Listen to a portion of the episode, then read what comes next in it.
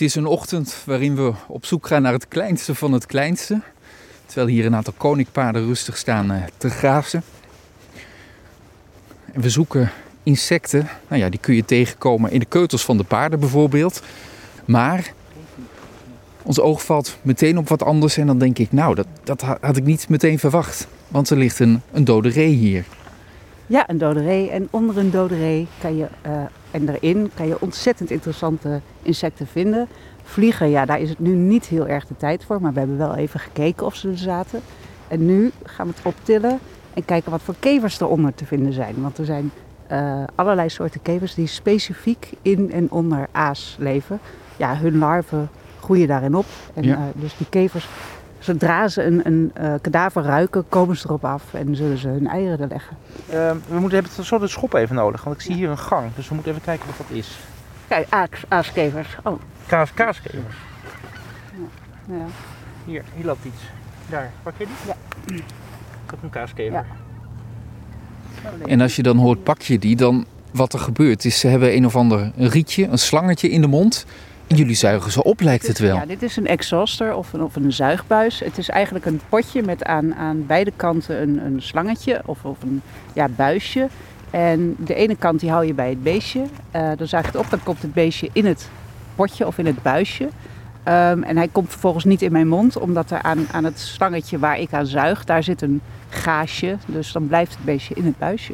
En zo zijn ze heel makkelijk te verzamelen. Op zoek naar hele kleine beestjes, naar insecten. Waar komt dat enthousiasme vandaan? Hoe is dat ooit begonnen? Uh, um, nou, eigenlijk haatte ik insecten vroeger. Echt heel erg. Ik was ontzettend bang voor insecten nadat ik gestoken was door een hoornaar. Um, ik was toen bijna dood. Ik kreeg een anafylactische shock. Dus ja, je kan je voorstellen, dan ben je bang daarna. Um, ja, en ik zat eigenlijk op een gegeven moment gewoon binnen zomers. Toen ben ik maar gaan lezen. Ik ben insecten gaan bestuderen om me aan mijn angst te ontworstelen. Ja, en ik ontdekte toen een, een hele parallele wereld aan de meest bijzondere wezens. En ja, dat heeft me zo gegrepen dat ik uiteindelijk gewoon mijn angst vergat. Ja, en nu, en nu zit ik hier uh, kevers te zoeken onder een dode ree. Ja. Precies, en dat is nog maar het begin van vandaag. Uh, ja, precies. We gaan zien wat we verder nog vinden. Ja. Ja. Heb je dan ook een favoriet beestje tegenwoordig? Een favoriet kevertje of een ander insect?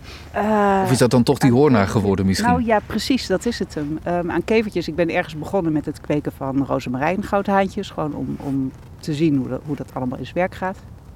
Maar ja, uh, de vraag wordt me vaker gesteld. En het is inderdaad, ik denk dat ik die hoornaar vooral heel erg dankbaar ben. Dat ja, zij heeft mij mijn passie laten zien uiteindelijk. En ja, dat vind ik zelf wel heel erg fijn. Ja. Nu zijn jullie hier in de Gelderse Poort aan het zoeken in het kader van het 5000 soortenjaar. Ze proberen hier 5000 verschillende soorten in kaart te brengen en te ontdekken, zien of ze hier leven. Hoeveel kevers zullen hier rondlopen? Hoeveel soorten zul je alleen daarvan al kunnen vinden? Ik denk uh, dat hier, nou, als je echt goed zoekt, uh, waarschijnlijk wel tussen de 1000 en 1500 soorten kevers. En misschien, als je, heel, als je echt heel hard zoekt, misschien wel richting 2000. Maar met 1500, dan zijn we wel spekkoper uh, als we dat vinden. Een schepje in de grond. Op zoek naar dat ene beestje dat, dat een, een tunneltje heeft gegraven. Gewone oorworm die uh, oh. hier aan het overwinteren was. Nou, die zullen we Kijk. ook even scoren dan. Een vrouw. Hoe zie je dat nou zo snel? Want het is uh, gewoon zo'n oorworm. Ja. Hoe zie je nou dat nou, dat een vrouwtje is?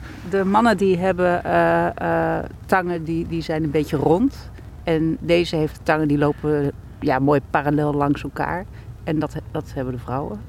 Mensen denken dat die beesten in je oor kruipen. Maar het zou ook wel eens heel goed kunnen zijn dat het gaat om de vorm van de vleugels. Ja, dat, dat is misschien logischer. De vorm van een oor. Ja, want ze kruipen echt niet in je oor.